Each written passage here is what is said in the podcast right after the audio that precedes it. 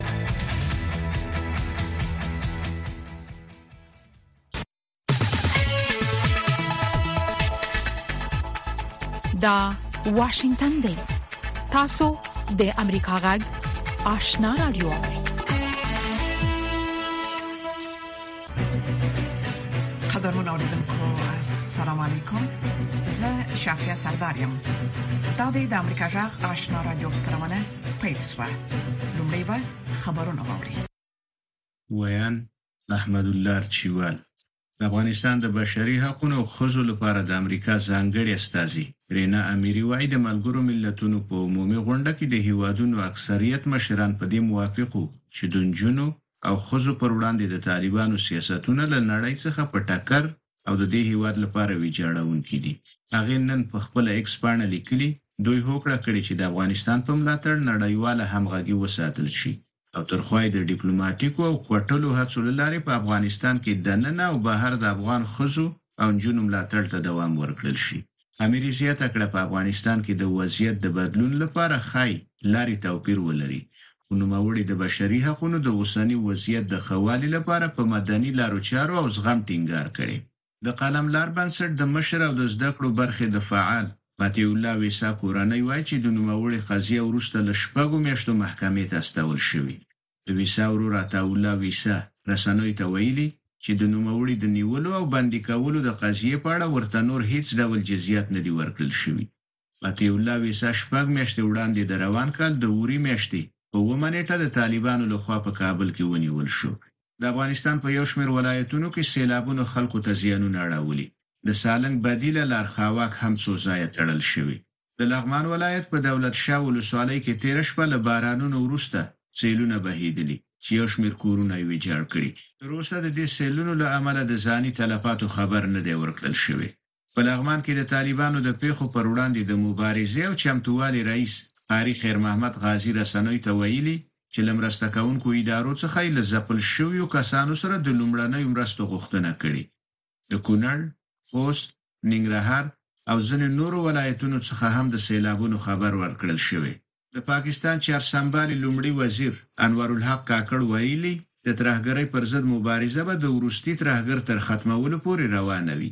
کاکړ دا خبره په پاکستان کې د وروستیو مرګوني بریدونو په غبرګون کې کړې. پرون د بلوچستان په مستونګ او د خیبر پښتونخوا په هنګو کې بمي چاودنو لږ تر لږه اووه پنځوس کسان وژلي او شاوخوا اویا تنه نور یې ژوبل کړي. له امریکاغږ څخه خبرونو ته دوام ورکوو. دامریکا متحده ایالتونو په کانګرس کې فدرالي ادارو ته د لګښت ورکولو پر سر د مذاکراتو بې پایلې پاتې کیدو له کبله داسې احتمال موجود دی چې د دې هېواد دولتي ادارې بیا هم جبري رخصت ته اړ شي. ځینې ښي اړخه جمهوریتپال غړي د امریکا ځینو لګښتونو درول غواړي، چې په کې اوکراین کې د امریکا د متحده ایالتونو لګښتونه هم شامل دي. د اکتوبر لومړۍ نېټه په امریکا کې د مالي کال د پیل ورځ ده او له همدې کبله په کانګرس کې د مذاکراتو لپاره یوازې نن ورځ تر پایه فرصت شته. که د امریکا حکومتي چارې په ټپه ودریږي، دا به په تیره یوه لسیزه کې څلورم ځل وي چې داسې وضعیت رامخته کیږي. د ایټالیې ساحلي ځواکونو نن یو سل او اووه اویا کسان له یوې بیړۍ څخه چې اور په کې بل شو، وژغورل. په ژغورل شویو کې اووه ویشت کسان د بیړۍ عمله ده. په دې کښتۍ کې درې اتیا کډوال هم سپاره وو. دا بیړۍ له لمپډوسا ټاپو څخه د سیسلي یو بندر ته روانه وه. مسکو او کییف نن ویلي چې په هوا کې یې د مخالف لوري په لسګونو بریدونه شنډ کړي. ارمنستان وايي تر یو لک ډېر کسان له نګورنو قره باغ سیمې د څه باندې یوې اونۍ په ترڅ کې چې دا سیمه اذربایجان نیولې، وتلي. د ارمنستان د لومړي وزیر نکول پاشانیان دفتر نن سهار خبر ورکړ چې چارواکو تر اوسه د هغو یو لک څلور سوه اوولس کسانو له ډلې چې نګورنو قره باغ سیمه یې پرېښې، د یو اتیا زره یو سلو نهه دېرش کسانو نومونه ثبت کړي. دا شمېره د نګورنو قره باغ د ټول نفوس له درېو څه باندې یوه برخه جوړوي. د ملګرو ملتونو ویاند ستیفان دوجاریک پرون ناوخته ویلي، چې ملګري ملتونه به د شنبې یا یکشنبې په ورځو نګورنو قره باغ ته یو پلاوی واستوي. دا و د دې ساعت خبرونه چې تاسو ته په واشنګټن کې د امریکا غږ له سټوډیو وړاندې کړل.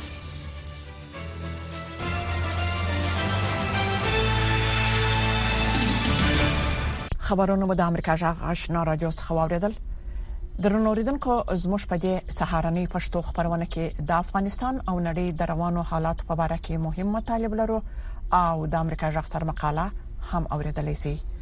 خو لومړی به راسو د راپورټ ته چې د مسکو فارمټ مشورتي غونډې ګډونوالو په یو غډ اعلامیه کې په افغانستان کې د ټولو قومونو د استادو په ګډون د یو ټول شموله حکومت په جوړېدو د شذو د حقونو تامین او د تروریزم سره د مبارزې په پیاوړي کېدو ټینګار کړی دی د سیاسي چارو ځنې افغان کارپوهان وایي چې د مسکو فارمټ د تیرو څلورو غونډو په څیر دې غونډې هم کوم ځانګړې پایله نه درلوده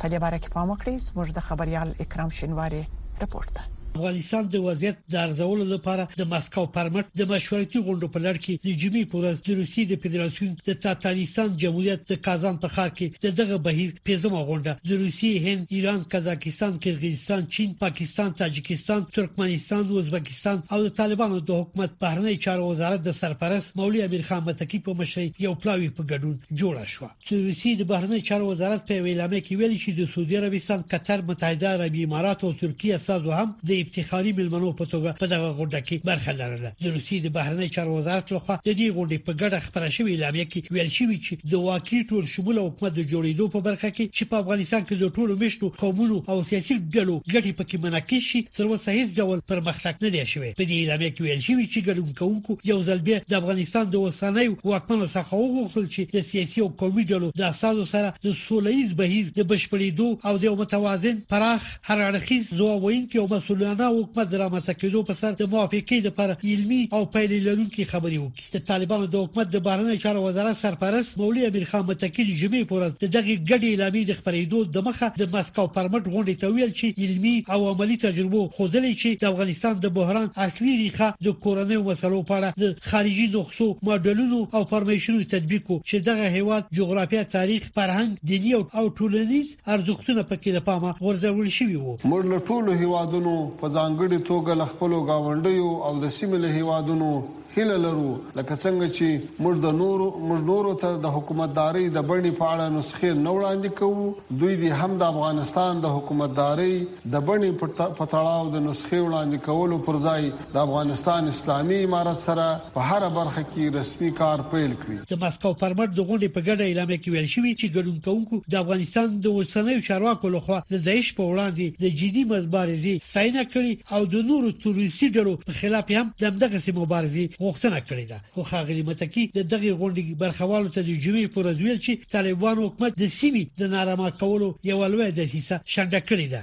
د مسکو پرمټ د غونډې ګډونوالو همداشان د طالبانو د حکومت څخه وغوښتل چې د سیمې هیوادو سره د تروریستي ګواښونو او د افغانستان له خاورې د نشه یي توکو د قاچاق د مخنیوي په برخه کې همکاري وکړي د مسکو پرمټ د غونډې ګډونوالو په دې اعلامیه کې په افغانستان کې د خلکو حقوقو او اساسي ازادیو ته درناوی د هغې له ډلې د کار برابر حقونه زده کړې عدالت پرته له جنسیتي توپیر قومیت او مذهب باندې ټینګار کړی دی د غونډې ګډون کوونکو پر ښځو او نجونو باندې د کار او زده کړو په برخو کې لګېدلي محدودیتونو باندې اندېښنه ښودلې او د طالبانو د حکومت څخه یې غوښتي چې په افغانستان کې دې په ښوونځیو کې د نړیوالو معیارونو پر اساس عصري زده کړو ته وده ورکړي د سیاسي چارو کارپوه ډاکټر عزیز ماریچ په دې باور دی چې د مسکو پر مټ د جمعې د ورځې غونډه د دغه بهیر د تیرو نورو غونډو په څیر بې پایلې پای ته ورسېده د مسکو د فارمات غونډې اهمیت او ماهیت په هغه وخت کې له منځه لاړ چې زمیر کابل فلان وکړ چې دلته د افغانستان د رسمیت پېژندلو مسله نشته. دومې ویل چې ښاغلی متقي د مېلمه په حیث ملې ګډون کې نه دی عضو او درېمې ویل چې امریکا ته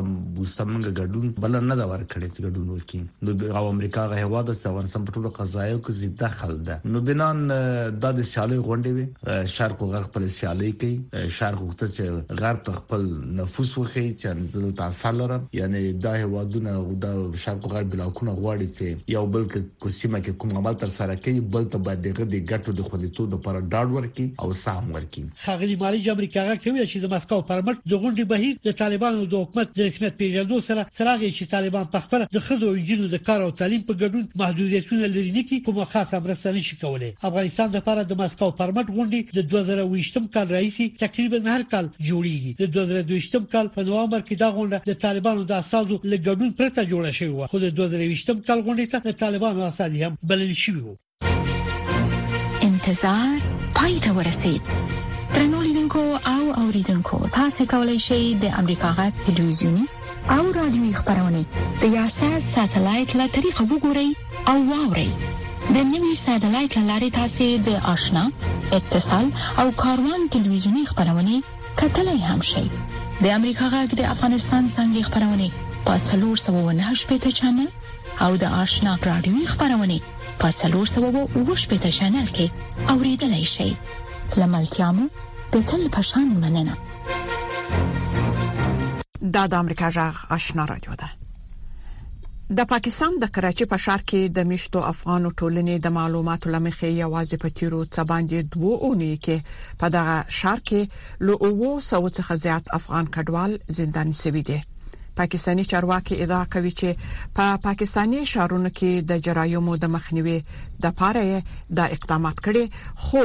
د طالبانو د حکومت د بهرنیو چارو وزارت مرستيال شیر محمد عباس ستانکزي په پاکستان کې د افغان مهاجرونو سره د پولیسو په ناسم چلن انتقاد کړي او له پاکستاني چارواکو غوښتي چې د خپل هیواد د کورنوي ستونزو مسؤلیت پر افغانستان نه اچوي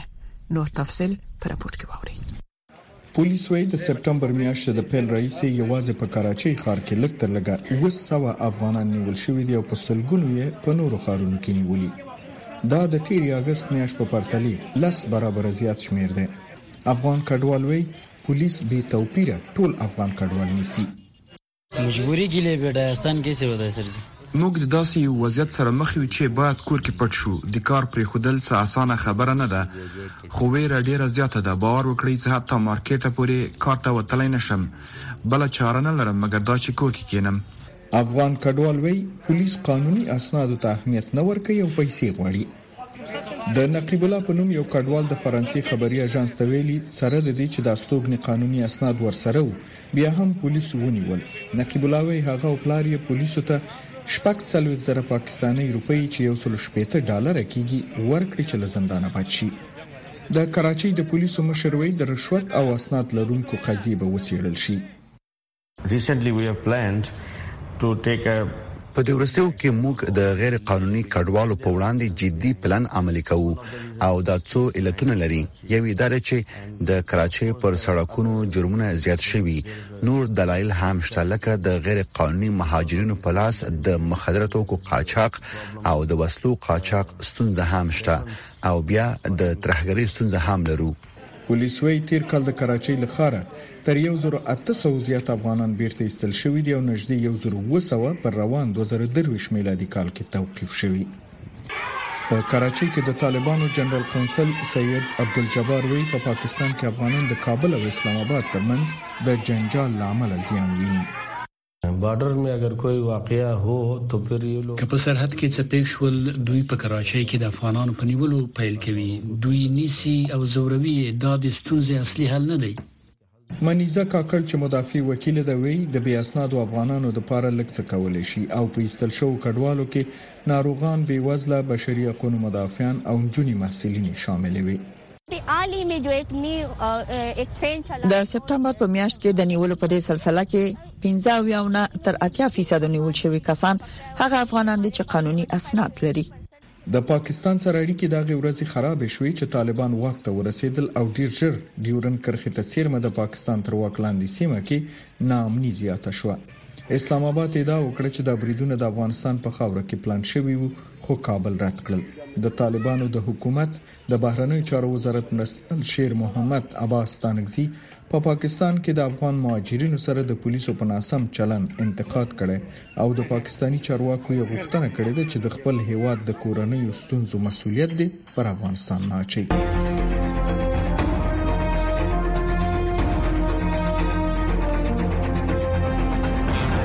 اتصال زموږ او ساسي پیوستون خبرونه چیرنی غبرګونونه، موثق معلومات او دقیق جزئیات هغه کورنۍ نړیوالې او سیمه ییزې مسلې چې د عام خلکو پر ژوند غیز لري ساسي پښتنې د چارواکو ځوابونه او د پوهانو سپارښتنې ل یک شنبه تر پنځ شنبه هر مخام په شپږ بجو او دیر شو دقیقو ل واشنگټن څخه پر ژوندې بڼه د سټلایټ ټلویزیون او ټولنیزو شبکو لاري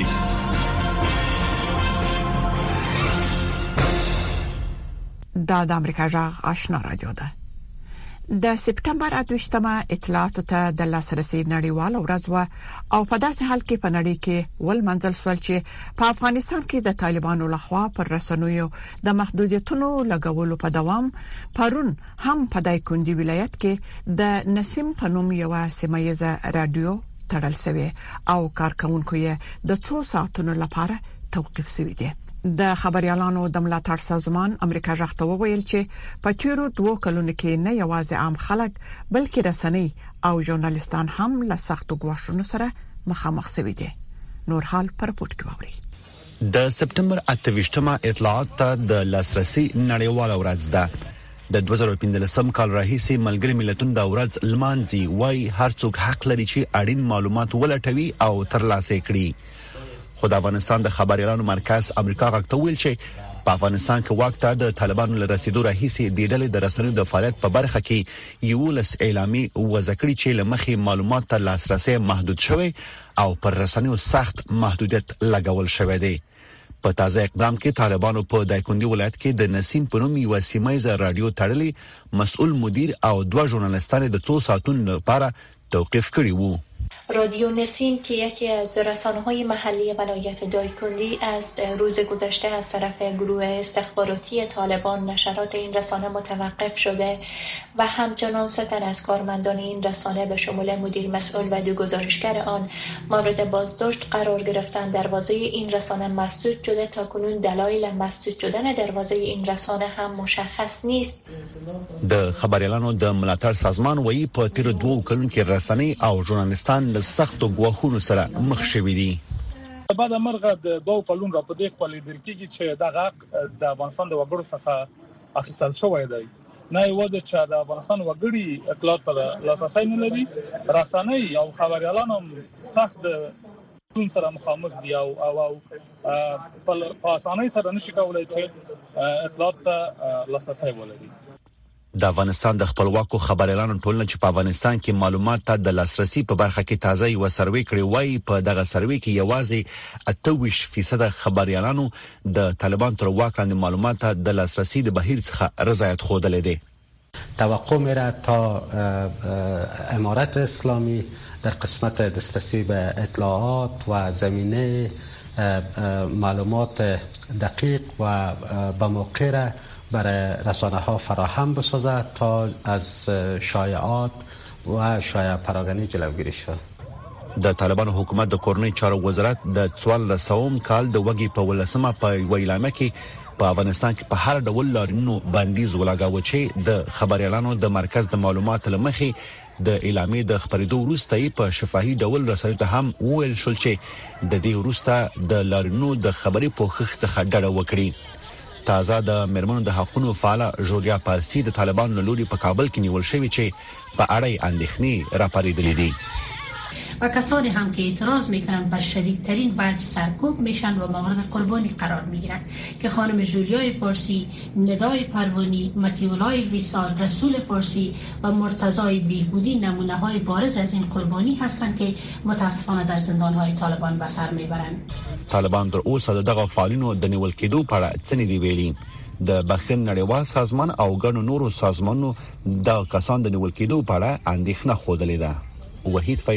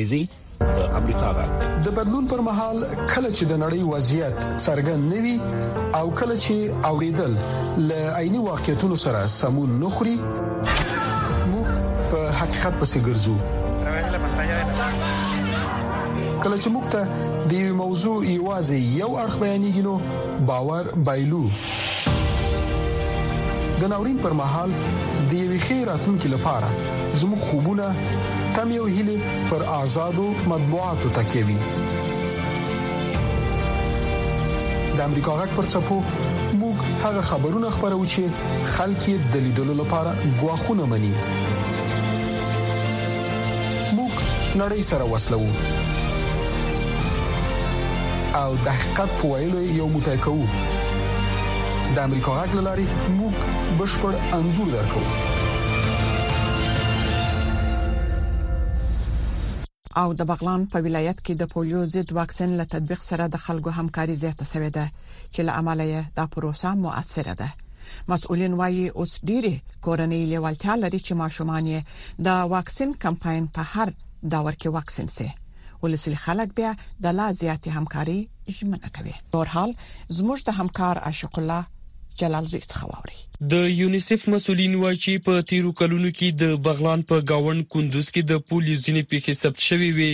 او له همدې امله د بغلان په ګډون د کندوز شاوخوا ولایتونو کې د پولیو د محوه کولو لپاره ډېرې هڅې کیږي په افغانستان کې د یونیسف ویان کمال شاه سید امریکا غږ سره په خبرو کې ویل د بغلان ولایت هم د پولیو لمدولو پروګرام تر فوکس لاندې ولایت ته خاص توجه ورته کیږي علت یې دا دی چې دوه کاله مخکې کندوز کې موږ د پولیو پیښې لرلې نو د وایرس لمنځه وړلو لپاره کوم ولایت کې سپیکر رامنځته شوی هغه ته نږدې ولایتونه دا ټول نو باندې خاصه توجه کیږي بلخوا د پولیو د منځوړلو د بیړني عملیاتي مرکز مشر نیکول شاه مومن په دې پروسه کې د عامو هیوادوالو لامکاري خوښ بریخي او زیاتوي چې د پولیو پر وړاندې د مبارزې په موخه د واکسین د پلي کولو په کمپاین کې د خلکو پوره همکاري د دې لامل شوې چې د بغلان ولایت ډیری سیمو کې د 15 کلو کم عمر ماشومانو ته واکسین تطبیق شي نو موړي آشنا رادیو ته په دې حق لا داسي ویل او د ولایت کې د خلکو ونده د واکسین په وخت کې ډیره پرخ شوې ده د واکسینو پروسس د دوی د همکارۍ په وجه ښه شوی دی د خلکو ذهنیت د پولیو د واکسینو په وړاندې د مخکې په نسبت ډېر ښه شوی دی. هغه وایي چې په دې برخه کې دیني عالمان، قومي مشران، ښوونکي او د ټولنې نور اقشار ورسره پوره همکاري کوي. یو شمېر قومي مشران هم وایي چې د پخوا په پرتله د پولیو پر وړاندې د مبارزې پروسه چټکه شوې او په دې برخه کې ولسونه او ولسي مشران ژمن دي.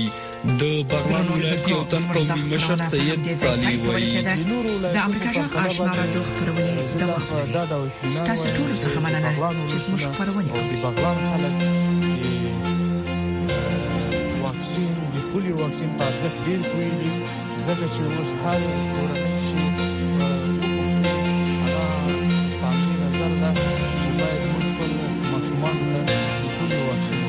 نذیره نوري چې د بغلان اوسیدونکو د امریکا غږ ته ویل د پولي واکسین د تطبیق د اهمیت په برخه کې عامه پوهاوی ډیر شوی خو لا هم اړتیا ده چې د دې ولایت په لري پروتو سیمو کې د عامه پوهاوی د کچې د لوړولو لپاره ډیر کار وشي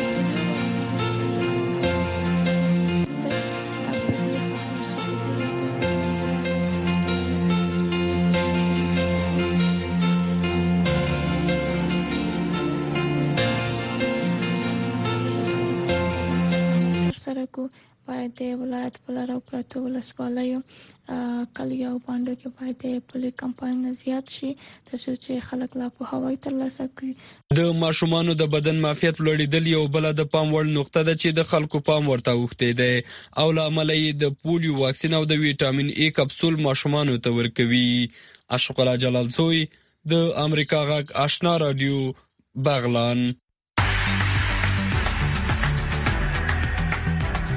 طالبانو د افغانستان له دننه د امریکا غږ راډیو خبرونه درولې دي خو امریکا غږ په پوره ژمنتیا خپل افغان اوریدونکو ته په پښتو او دری ژبه د کره باوري او هر اړخیزو خبرونو په خبرولو د افغانستان له بهره پر 902 کیلو هرتز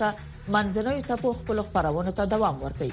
د دې ترڅنګ تاسو کولای شئ چې زموږ پښتو خبرونه په لاندو سپو هم واورئ پښتو سهارنۍ خبری خبرونه پر وزاره 290.0 څپو اوریدل شي ما خبرنۍ پښتو خبرونه په 2140.0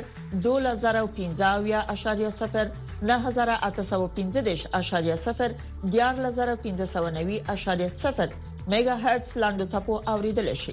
سپینه خبري یا رکو راست خبرونه په لاندو څپو 2015.0 میگا هرتز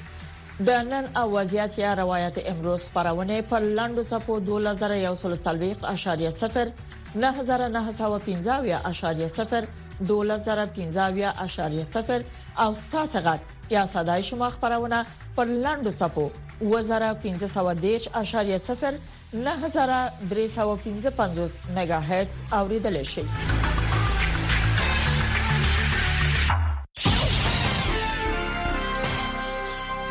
درنو اوریدونکو دا د امریکا غږ سر مقاله ده چې د امریکا د حکومت نظر څرګندوي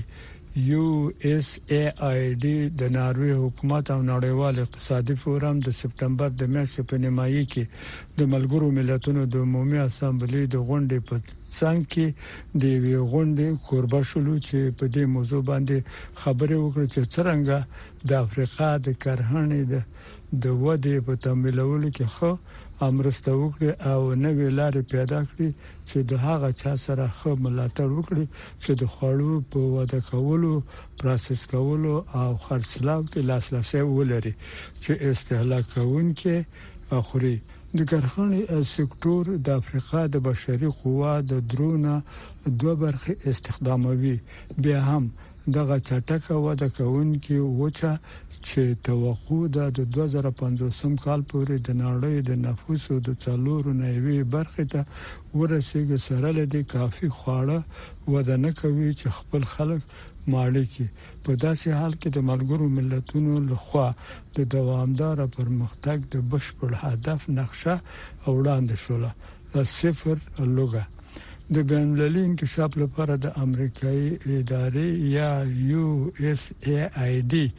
یو د هدفونو د لوګي لمنځه وړل دي په یو اس ای آی ډي کې د پالیسي او پروګرام کولو لپاره چهارسمبال مرستیال ایسو بیل کولمن وویل، موږ په خاصه توګه د وړو بزګرانو لپاره د لاسرسي د اصلاح کولو په باره کې ډېر ډېر تمرکز کوو چې د افریقا د وچې په باره کې اکثریت خواړه تولیدوي، د دوی سره د زیاتو معلوماتو په لاسرسي کې مرسته کوو تخمونه کیمیاوي سره تمویلول د نن شپې موضوع تمویلول ته د زیاتېدونکو لاسرسي په باره کې و نه په واړه احساس مګر په لوی احساس دغه د کرهڼې تجارت دی چې د وړو تمویلولو د ضرورت نه په اخوا مګر کافي لوی نه دی چې د ډیرو مهمو بانکونو سره کاروکړي ای سو بل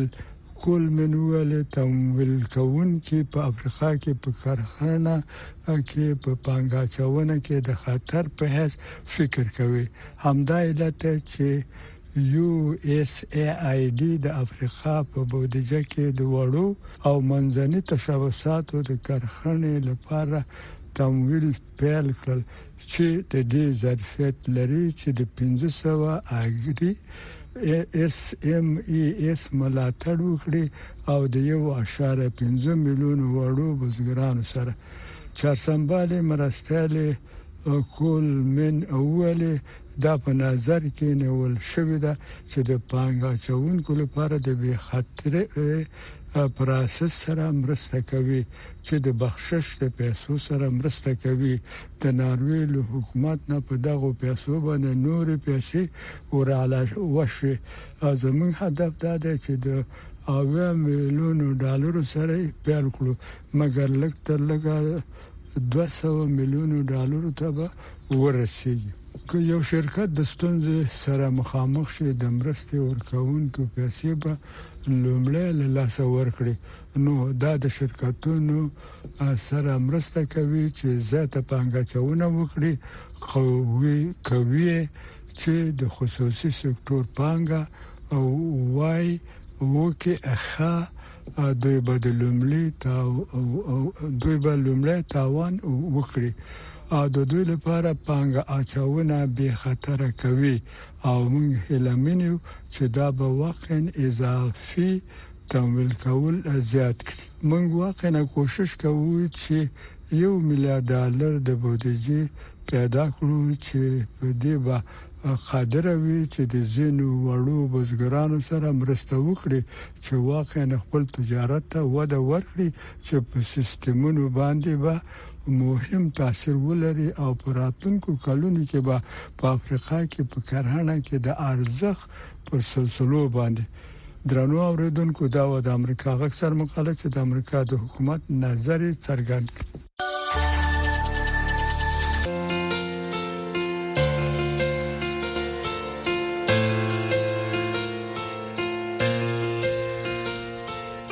درنوریدونکو زموږ د خبرونه په همدې ځای پای ته ورسیده د امریکا جغ آشنا را دوه خبرونه دوام لري